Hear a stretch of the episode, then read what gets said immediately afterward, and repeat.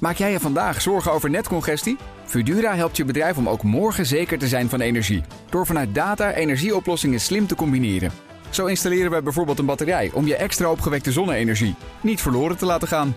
Kun jij onbezorgd verder met vandaag? Kijk op Fudura.nl. Fudura, de verandering voor. BNR Nieuwsradio. BNR Zaken doen. Thomas van Zeil. Gast is het Boardroom Panel en deze week bespreken we de dieprode jaarcijfers van Blokker, de Belastingdienst die in het nieuwjaar dichter op de huid van grote bedrijven wil zitten en de definitieve doorbraak van het maatschappelijk verantwoord ondernemen. En dat panel bestaat uit Kees Kools, hoogleraar Corporate Finance and Governance aan de Tilburg University, Jeroen Verkouteren, specialist op het gebied van overnames en fusies van Interrand Corporate Finance en regelmatig mijn zakenpartner, nu lid van het Boardroom Panel, Annemiek Robeek, hoogleraar organisatiestrategie en transformatiemanagement aan Nijrode en voorzitter van de Raad van Bestuur van Social Finance NL. Mijn zakenpartner van vandaag dat is Marlies Moor, ondernemer en communicatie-expert in de retail. Welkom allemaal. Nou, uh, jongens, we knallen het nieuwe jaar in. Jawel, jawel, jawel. De beste Nou, wensen nog. Ja, we beginnen ook met een eh, tamelijk zwaar onderwerp. Namelijk de Belastingdienst die bedrijven op een nieuwe manier gaat controleren. Strenger ook. In dat nieuwe belastingssysteem wil de overheid de grote ondernemingen dichter op de huid zitten. In plaats van het horizontale toezicht dat jarenlang de norm was. En ook internationaal wel werd geprezen. Kees, ehm, kun jij kort uitleggen wat er precies verandert? Nou, dat, kan ik eh, niet, omdat het mij ook zelf een beetje onduidelijk is. Dus maar een hele kleine tekst die daar staat. En daar staat ook nadrukkelijk overigens, in tegenstelling wat je suggereerde, dat het horizontaal af, eh, toezicht, wat is gebaseerd op transparantie, begrip en wederzijds vertrouwen, principieel niet wordt afgeschaft, maar dat ze het wordt gaan aanscherpen. Het is wel een beetje aan wie het vraagt volgens mij. Want er zijn ook mensen die zeggen... er wordt zoveel veranderd dat er van het horizontale toezicht... in de praktijk niet zo heel veel overblijft. Ja, Maar de praktijk moet zich natuurlijk gaan bewijzen. Ik denk dat je dat ook bedoelt. Nou, eh, Kees. precies. Kijk, de, de, de- kijk, op de eerste plaats ze zeggen dat ze het niet afschaffen. Je kunt dat niet zomaar zeggen en dan toch afschaffen. Dat is, daarvoor is het toch te, te, te duidelijk, te transparant. En eh, kijk, iets anders, het mooie van dat toezicht destijds was en is... eh, vertrouwen eh, eh, komt te voeten, gaat paard. Dat je hoeft in dat toezicht niet het vertrouwen te verdienen, maar je krijgt het meteen. Maar je kunt het wel heel snel kwijtraken. Dus het moet blijken uit die individuele afspraken die er nu gemaakt worden. En als het zo is dat er nu met sommige ondernemingen strengere individuele afspraken worden gemaakt, omdat het verleden is gebleken dat zij het toch niet zo netjes deden allemaal, ja, dan is dat nog steeds eh, conform. Zeg maar, Maar de Kees, ik denk wel dat het eh, past, eh, deze intentie, hè, laten we een intentie noemen, in een veel transparanter eh, belastingbeleid. en ik denk dat het juist goed is wanneer de grote ondernemingen veel transparanter worden in eh, wat er betaald wordt, waar ze ook eh, hun winsten maken. En dat past denk ik heel goed ook in het Europese beleid wat we hebben afgesproken, maar ook wat er vanuit de OECD gevraagd wordt. Dat we niet meer dat buitenbeentje zijn, maar dat we gewoon ook een keertje in de pas gaan lopen. Heel even, want dat horizontale toezicht voor de mensen die niet dik in dat nieuwe belastingssysteem zitten. Horizontaal toezicht wil zeggen dat je niet bij elkaar over de vloer hoeft te komen. Dat de Belastingdienst er in zekere zin van uitgaat dat jij intern je zaakjes op orde hebt. eh, tot het tegendeel bewezen is, toch? Living Ja, apart maar- together, zo wordt het omschreven. Ja, maar dan zit je natuurlijk wel altijd met zeg maar, ehm, soms wat schimmige rulings die door de tax, de belastingadviseurs vanuit de bedrijven samen met de Belastingdienst gemaakt kunnen worden. En ik denk dat, dat die rulings dat die zijn langste tijd gehad hebben. Dat zijn afspraken die je van tevoren maakt met de Belastingdienst. Ja. Ja, dat zijn de, eh, de zogenaamde 1-2'tjes, om het maar zo te zeggen. Precies. En ik denk dat dat wel een goede ontwikkeling is. Overigens. Ja, maar dat, Zijn toch, dat zijn toch echt achter andere twee verschillende dingen volgens mij. Want die rulings bestonden vroeger ook al. Eh, de individuele afspraken om op een bepaalde manier om te gaan bij een individuele bedrijf, individueel bedrijf. En dat principieel andere toezicht sinds 2005. eh, ik zei al, dat is gebaseerd op transparantie, begrip voor elkaar en wederzijds vertrouwen. Die uitgangspunten, wa- waardoor je dus als het goed is niet meer zo vaak bij elkaar over de vloer komt, maar je, maar je controleert wel een keertje het systeem, hè, dat het interne systeem bij die ondernemingen. En je laat ze expliciet ook belof, beloftes doen, die ook door de Raad van Commissarissen, als het goed is, nog een keertje worden bekrachtigd. Ja, dat principe was, dat, dat was juist nieuw. Hè. We waren een buitenbeentje inderdaad met de rulings. Maar met dit waren we een positief buitenbeentje. Omdat, ja, dat ook, ook met de Nederlandse bank trouwens. Maar als er nu een roep is om het te veranderen, een intentie, hè, wat Annemiek terecht zegt, mooi woord. Is er dan iets gebeurd? Is het vertrouwen beschaamd waardoor de Belastingdienst of de overheid, laten we niet zeggen dat de Belastingdienst zichzelf nou aanstuurt, eh, zegt: we gaan het veranderen? Is er iets misgegaan de afgelopen jaren. Veel misgegaan afgelopen Dat moet wel, of misgegaan, daar moet natuurlijk iets gebeurd zijn. De Belastingdienst die werd uh, toegejuicht en uh, internationaal ook met dit, met dit systeem. Die willen dat zelf ook graag. En er moeten natuurlijk dingen gebeurd zijn waardoor het nu iets anders gaat. Maar ik denk dat juist wat van de buitenwereld komt. Kijk, uh, de Belastingdienst uh, staat natuurlijk ook uh, behoorlijk onder druk. En ik ik vind het in die zin ook heel jammer dat uh, staatssecretaris Snel weg is. Want dit was best wel iets wat ook op zijn lijstje stond. En waar hij ook achter stond. En waar hij in het begin van zijn uh, regeerperiode ook echt uh, aankondigingen over heeft gemaakt. Dus ik vind het heel jammer dat juist hij met zo'n internationale achtergrond dit niet kan afmaken. Maar wacht even, zeg je nou eigenlijk, er is misschien niet heel veel echt gebeurd. Maar maatschappelijk gezien is er een roep om exact, dingen te veranderen? Exact. Zowel politiek, hè, van, maar dan internationaal politiek als maatschappelijk. En ik denk dat juist uh, wat Kees net heel goed aangeeft, 2005. We zitten dan nog echt wel op het hoogtepunt van het uh, neoliberalisme. Ik denk dat we echt, we zijn 2020 uh, vandaag, we zijn echt in een ander tijdperk gekomen. En daar hoort dit ook bij. En ik juich het van harte toe. Maar dan heb je het echt over de transparantie. Nou, maar ik vind het ook helemaal niet erg wanneer zeg maar, uh, goede uh, belastingexperts van de Belastingdienst zelf ook eens wat vaker over de vloer komen bij die grote bedrijven. Zoveel zijn het er niet. En ik kan je zeggen, als MKB'er ben ik vaker lastig gevallen waarvan ik dacht, nou jeetje, waar moeten ze nou bij mij komen? Ja, ja. Ga nou eens een keer naar die groters toe. Ja, maar denk je dat het realiseerbaar is? Want de Belastingdienst is al over, uh, overwerkt ongeveer. Ja, maar er zijn aparte, uh, aparte afdelingen juist voor die grote bedrijven. En ik denk dat uh, de. de ja, je hebt een enorme civiele plicht om belasting te betalen. En de grote bedrijven hebben dat uh, uh, zeker wanneer ze hun reputatie hoog willen houden. Ook voor hen geldt dat, we zullen straks met de MVO er ook nog wel over hebben.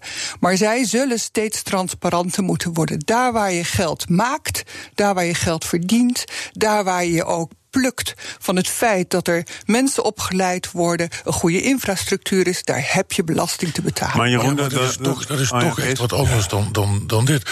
Kijk, het past er allemaal in, in datzelfde grote plaatje. Maar, maar eerst even antwoord van, van Kees, want jij beweert dat hier discussies door elkaar lopen. Ja, kijk, de, het feit dat die, met name die multinationals allerlei manieren hebben om, om geen de belasting hoeven te betalen, niet alleen Amerikaanse bedrijven, Google en zo, maar ook Shell enzovoort. Dat is, dat is een groot probleem. Maar dat wordt niet opgelost. Dat, maar dat komt niet door dat horizontale toezicht, zoals het heet. Uh -huh. En dat wordt ook niet opgelost met iets dat is meer op meer opletten. Want die constructies zijn bekend.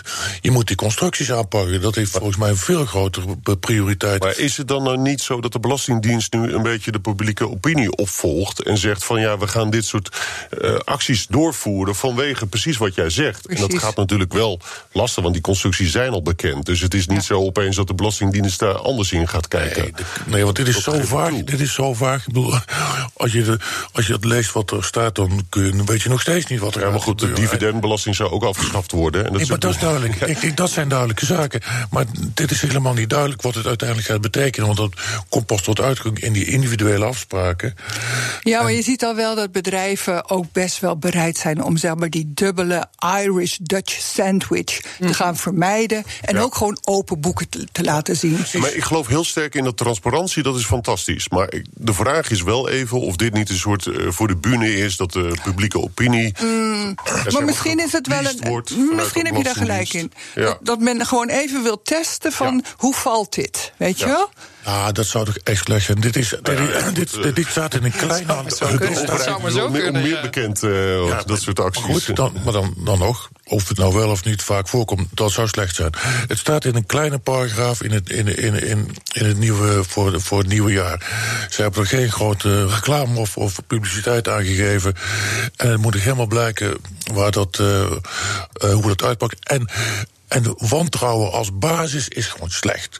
Uh, Ook als je de Belastingdienst bent? Ja, we hebben natuurlijk de Belastingdienst Ja. gezien hoe wantrouwen eh, kijk, ook verkeerd kan uitpakken. want wantrouwen als basis is slecht. En als je elkaar, als je expliciete afspraken maakt en ook afspraken maakt over transparantie, dat je dit en dat en dat moet, en dat je dus ook dan daar als de gevolg daarvan veel harder ingrijpt als dan dat wantrouwen, of dat vertrouwen wordt geschaad, dat hoort er dan natuurlijk wel bij. Maar, maar jij zegt toch ook, ik vroeg het jou, is er dan iets gebeurd de afgelopen tijd waardoor de Belastingdienst op zijn schreden terugkomt? En dan zeg je, ja, dat moet wel bijna. Ja, in individuele gevallen. In individuele gevallen. Maar dat Nee, is ik denk dat Jeroen gelijk heeft. Ja. Dat dat het gewoon een maatschappelijke roep om transparantie is eh, die meespeelt. Dat, dat is een heel groot maatschappelijk probleem. toch? En het is een heel klein berichtje misschien, maar pas in een veel groter verhaal en een groot, grotere eh, eh, veranderingsslag, waar we helaas nu geen politicus voor hebben.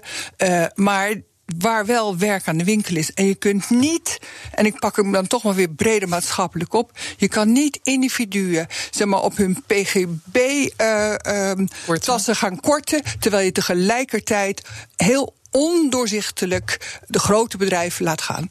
Nee, uiteraard niet. Dus ik zeg al, die constructies moeten worden aangepakt.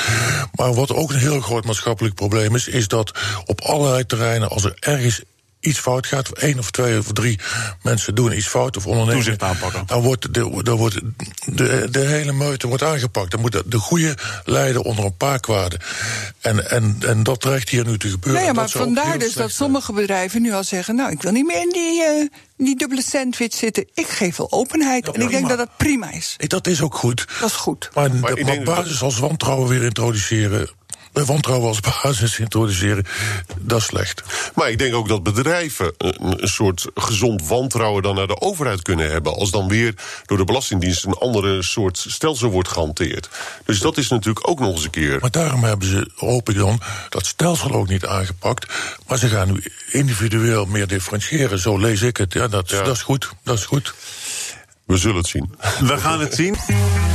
BNR Nieuwsradio. Zaken doen. Het woord is aan het belangrijkste bestuurderspanel van Nederland. Mijn gasten zijn Kees Kools, Jeroen Verkouter, Annemie Kroobeek. Waarom moeten jullie daar zelf zo om lachen? Ja. Is toch wel zo? Spot weet dat. Marlies Moor is mijn zakenpartner. En we gaan het hebben over de cijfers van Blokker. En dan moet ik zeggen, de cijfers van Blokker.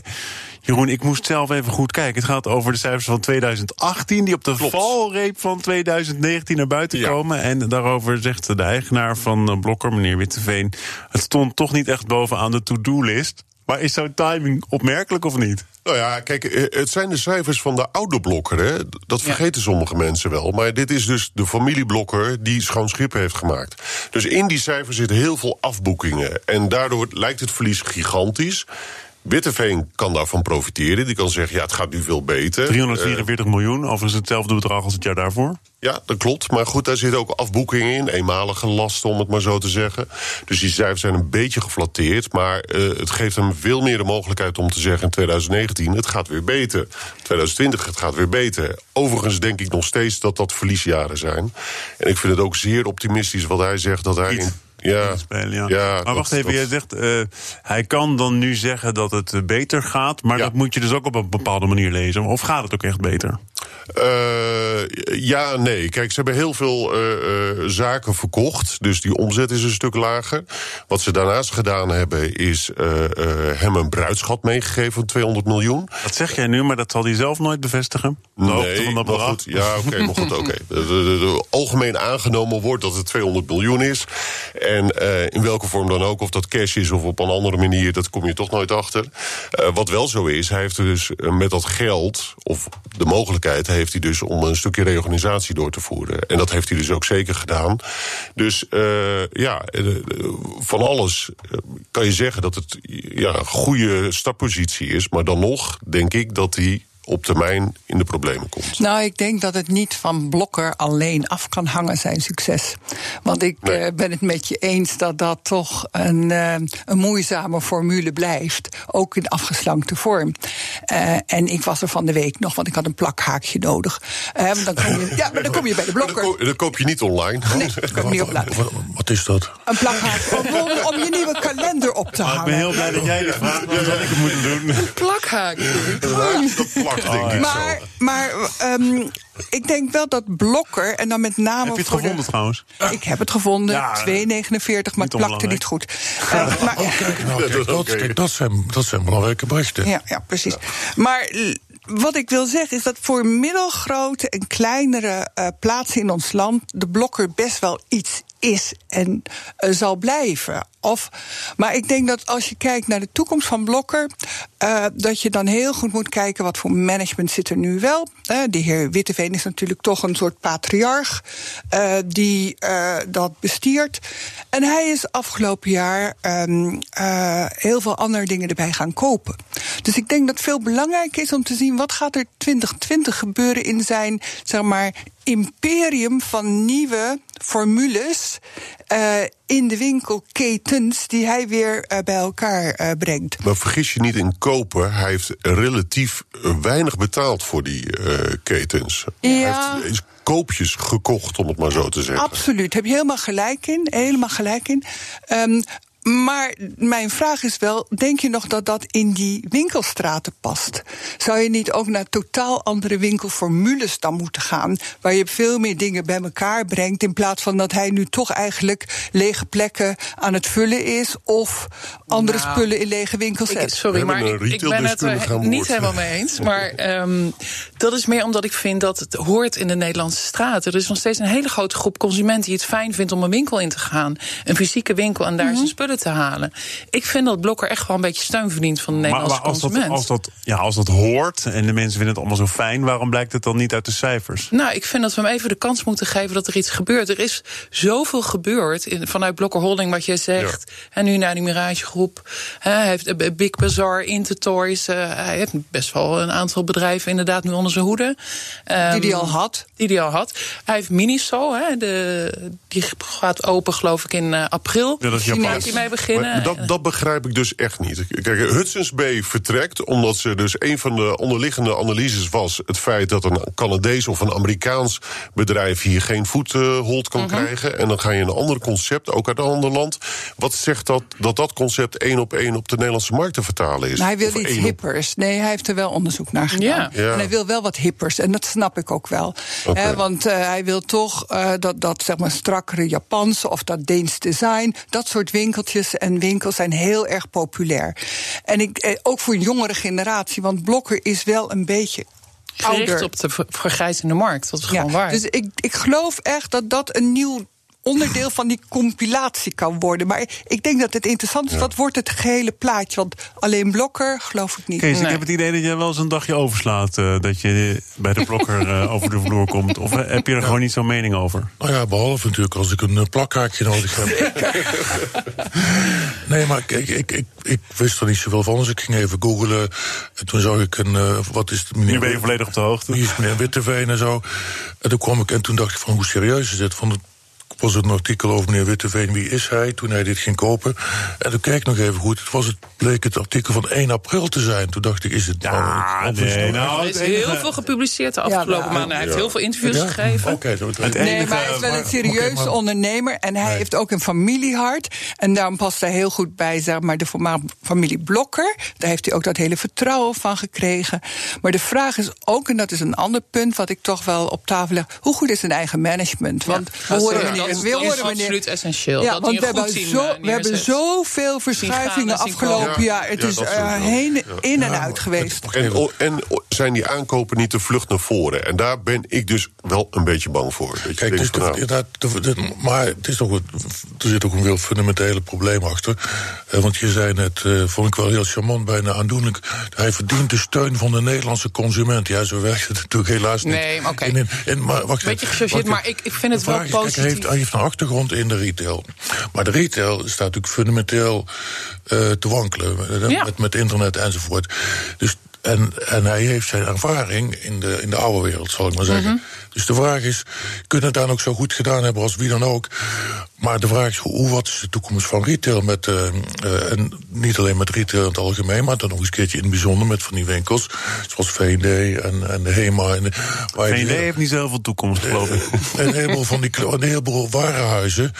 Nou, dat is maar zeer, zeer, zeer de vraag. En hij zegt overigens, las ik ergens dat hij pas ook verwacht dat, hij, dat het hem tegenviel. ja. Was ja, hij heeft een uitgehongerd bedrijf gekocht. Ja, ja, dat, ja, maar dat, dat vind ik ook wel zo heel maar dat is, dat is toch zo verdacht als iemand met zoveel ervaring... die er al, die er al de baas was. Bedrijf. Hij was al de baas. Hij zat in de raad van commissarissen, was voorzitter. Zegt, sorry hoor, maar dan moet je toch wel een beetje kennis hebben van het bedrijf. Precies, en als je dan zegt, ik heb het uitvoerend bedrijf... Dat, ja, maar zijn grootste concurrent is natuurlijk toch Action. Ja. Ja, klopt. En tegelijkertijd spiegelt hij zich er ook weer aan. Ja, ja. ja maar, dat, maar de grap is, Action is ook al een paar jaar goed bezig. Dus het is niet zoals dat een soort uh, volkomen verrassing uit de linkerhoek komt of zo. Action kan geen concurrentie want het is een heel ander, het is een nog veel goedkoper spul. We gaan van de Action naar maatschappelijk verantwoord eh, ondernemen. Dat kan gewoon hier in het boardroom panel. Het is een, uh, een onderwerp dat door jou naar voren is gebracht. Annemiek, ik weet ook dat het jou aan het hart gaat. Ja. Waarom wilde je dit nu bespreken? 2 januari 2020, nieuwe tijd breekt aan. Nou ja, ik, ik denk dat we uh, wel op het kantelpunt hebben gezeten afgelopen uh, twee, drie jaar. En uh, er waren afgelopen maanden veel artikelen. Is het glas half vol? Is het glas half leeg? En nou ja, ik mag in veel boardrooms komen en ik zie toch dat er echt afgelopen jaren veel serieuzer nagedacht is. Hoe kunnen we wel inhoud geven aan een duurzame strategie? Hoe kunnen we andere producten, diensten gaan ontwikkelen? En dat kost altijd een beetje tijd. Maar ik denk echt dat 2020, 2020 een, uh, een, een belangrijke uh, boost gaat worden voor juist ik zou het niet eens MVO willen noemen, maar voor een, uh, een duurzame vorm van, uh, van bedrijfsvoering. En wat geeft jou dat vertrouwen? Want je zegt, ik, ik constateer dat er de afgelopen tijd uh, over nagedacht is, dat er veel bedrijven mee bezig zijn. Maar nou, waar zijn die dan mee bezig? Nou, ik denk wel eens, kijk, kijk gewoon eens ochtends vroeg bij Duurzaam Bedrijfsleven op de site. En god, het is weer de goed nieuwsshow. Want ik zie zoveel bedrijven die wel wat doen. Mm -hmm. En dat vind ik enorm hoopvol. Daarna zie ik dat heel veel grote bedrijven doen. En zelfs meneer Blokker, oh, dat mag ik niet zeggen, meneer Witteveen van Blokker. Zelfs die zou eigenlijk, die zou eigenlijk groener willen zijn. En vindt het ook best wel een, uh, heel jammer dat dat bedrijf juist niet duurzaam is. Wacht heel even, maar jij ja, groener ja. willen zijn, dat willen we natuurlijk ja. allemaal. Ja, maar ik kijk dus naar Mooie de andere streven. bedrijven. En dan zie ik wel hoeveel meer geld voor innovatie en duurzaamheid. en uh, meer middellange, lange termijn investeringen uh, gemaakt worden. Niet alleen in de producten en diensten, maar ook in de mensen. Ja, dat laatste vind ik interessant. Want qua diversiteit is er natuurlijk ook ontzettend veel gebeurd. Absoluut. Ja. En ik denk dat die afspiegeling ook steeds meer meegenomen moet worden. Het gaat niet alleen, zeg maar, hoe groen is je labeltje, maar hoe doen we het ook in diversiteit, in inclusiviteit en met goede producten die langer meegaan? Ja, mee eens. Daar past Blokker niet helemaal in dan? Nee, nee, nee, hij heeft nog een weg te gaan, meneer Witteveen. Ja, maar wat ik wat dit, wat dit dat opzicht nog veel belangrijker vind. Als je zeker als je ze weet en, en ziet en kunt lezen soms hoe het bij bedrijven intern gaat. Hoe mensen met elkaar omgaan binnen bedrijven. En wat hun ambities zijn. En de bonussen. Hè, dat is een absoluut element wat mij betreft over voor duurzaamheid. Om die uit, op zijn hoogst beperkt te houden. Uh, nou, ik ben net het boek weer aan het lezen van, van of niet weer, maar van over Unilever. Van, voor had je de prooi, over KPN. Nou, daar gaat dit natuurlijk in alle facetten ja, over. Ja. Precies. Maar als je dus ook ziet hoe die, dan nog die bedrijven intern met elkaar omgaan. Ik heb het zelf mijn leven lang zeg maar, meegemaakt als adviseur van dat soort bedrijven. Uh, je moet daar intern nog een hele andere nou, een soort van bedrijfscultuur met elkaar omgaan, anders omgaan met hiërarchie, voordat je, uh, ja, voordat je met, met recht zo'n lepeltje maar je, medewer maar je medewerkers moeten het begrijpen, moeten het omarmen. En daarom is die purpose zo van belang. He, dat past ook in het boek wat jij net aangaf. Maar ik neem het voorbeeld even van ABN AMRO. Het feit dat we anderhalf jaar aan een purpose met alle geledingen gewerkt hebben. Ja, even, want het zit niet meer in je aankondiging, maar je, nee, was tot voor kort commissaris. Tot, tot vorige maand. En, um, en dat 93% van de medewerkers de strategie gebaseerd op duurzaamheid omarmt, dat zegt toch heel veel. Dat zou echt vijf jaar geleden niet het geval Wat geweest zijn. Wat staat er dan in, in die strategie? Ja, dat, dat ben ik benieuwd naar. De, de, concrete doelen dan, die omarmd ja, worden. maar dat ja. is denk ik juist goed om te zien van... wat doen we nou uh, anders aan duurzame producten voor met de klanten, dus de ja. co-creatie met de cliëntelen. Hoe helpen we hen? Dat is pillar 2. Uh, en de derde is ook hoe empoweren onze medewerkers om juist ook een veel betere dienstverlening te geven, maar zelf ook een betere ontwikkelingsgang door te maken. Ik denk dat dat echt belangrijk fundamentele vernieuwingen zijn. die in een vorige strategie ergens onderaan punt 8 zouden zijn. En nu is het 1, 2, 3, we gaan ervoor. En hoe geduldig is die strategie? Ik bedoel, je kunt het allemaal mooi opschrijven. Dat blijft natuurlijk toch een gevaar. Ja, uh, ik, ik zal, en dan zie je inderdaad wel een groot verschil tussen wat is maar de beurswaarde van de bedrijf. Nou, dan kan je zien dat heeft ABN AMRO niet goed gedaan afgelopen jaar. Maar wat is aan de andere kant toch de gevoelswaarde? En die wordt beter. Wat koop je ervoor voor gevoelswaarde? Nou, ik denk juist wel veel meer klanten. En uiteindelijk ook uh, veel klanten die heel lang bij je blijven. Want mensen gaan niet zo heel snel wisselen. Dat hebben we natuurlijk ook afgelopen tien jaar gezien bij de banken. Maar je hebt het wel vooral over corporate organisaties. Hoe zit het bij MKB met de duurzaamheid? Nou ja, dan zou je bijvoorbeeld naar het blad. Uh, uh, People, Planet, Profit? Ja, naar plus, nee, P plus heet dat, hè? Oh ja, dat heet P plus uh, ja, ja, ja, P plus heet dat tegenwoordig. Uh, dan vind ik juist ook dat je... Ik, ik vind juist dat MKB, en die zien we ook heel veel in de installateurs bijvoorbeeld terug... hoe die een enorme slag maken, omdat zij zien... dat ze naar die, met die duurzame golf enorm veel um, nieuwe bedrijvigheid uh, kunnen gaan oppakken... en daarvoor ook hun mensen moeten scholen. Dus ik denk juist dat het niet alleen het verhaal van de, de KPN's of de banken of, of zo is... maar dat het juist ook de meeste werkgelegenheid zit in het MKB. Um, en daar kunnen we misschien wel meer van gaan verwachten. Dus dat gaan we stimuleren, denk ik. Ik ben er nog lang niet van overtuigd. Als Maar jij bent nooit van iets overtuigd geweest. Nee. Nou, er zit ook wel een stukje pragmatisme in. Hè? Want de meest verkochte auto in uh, december was de Tesla. En dat ja. was niet omdat hij zo duurzaam was, et cetera. Maar dat was vanwege de, de belastingaanpassing. Uh, ja, ja, maar het is wel een elektrische. Nee, maar goed, nee, maar pragmatisme is ook goed. Mm. Ik, ik wil graag ook met jou eindigen. Jij bent nog niet overtuigd, want... Nou, een van de dingen die ik ooit heb geleerd bij, bij, bij, bij on, interviewonderzoeken is: je moet niet vragen wat mensen willen, maar wat ze feitelijk hebben gedaan. En als 93% van de mensen van ABN Amro het onderschrijft, ja, dat is toch een vrij, dat is nog vrij gratuit. Dat betekent nog echt niet uh, dat het dus ook anders zal gaan. En ik heb ook nog niet echt gehoord wat er dan, als je dat, dat vergelijkt met wat uh, met, uh, Polman heeft gedaan met, bij Unilever of onze, de man van DSM. Daar zijn, daar zijn echt, daar zijn echt dingen echt fundamenteel veranderd, waardoor mensen ook, een aantal mensen ook vertrokken is. Dus, dus, nou, Kijk, ik vind het wel netjes om toch nog even dan een weerwoord te vragen aan degene ja, die, die strategie voor ja. een belang. Ja, dat is wel belangrijk. Oké, okay, maar wel kort graag. Kort graag, want jullie gaan het niet helemaal eens worden, vrees ik. Nee, maar, ik, nee. maar ik denk wel dat uh, daar waar het in de corporate strategy staat... en daar waar hij doorleefd is... en daar waar het ook uit de, um, uit de interviews en uit de engagement monitors blijkt... en uit de stroom van nieuwe producten en diensten... dan denk ik, Kees, wacht jij maar af, het komt goed. Nog één korte vraag van mijn kant, want, want onderschrijven, dat zegt Kees, dat is een beetje gratuit. Ja, we kunnen allemaal dingen onderschrijven. Uh, hoe komt er boter bij de vis? Doordat mensen empowered worden, doordat ze de ruimte krijgen met hun managers om die nieuwe producten en diensten samen met de klanten te gaan maken.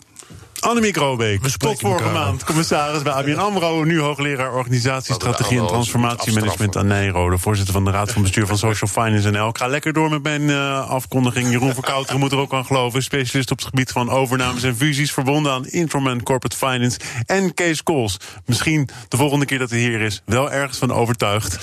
en nu Corporate Finance en Governance hoogleraar aan de Tilburg University. Mijn debuterende zakenpartner was Marlies Moore. Fijn dat je er was. Kom je nog een keer terug? Graag, vond het heel leuk. Meer dan welkom. Morgen dan is er eh, weer een uitzending. Dan is de gast Mark Vriend van de Fietsvoordeelshop. Eerst is het tijd voor Nieuwsroom, onze dagelijkse podcast van het FD en BNR. Veel plezier, tot morgen. Maak jij je vandaag zorgen over netcongestie? Fudura helpt je bedrijf om ook morgen zeker te zijn van energie. Door vanuit data energieoplossingen slim te combineren.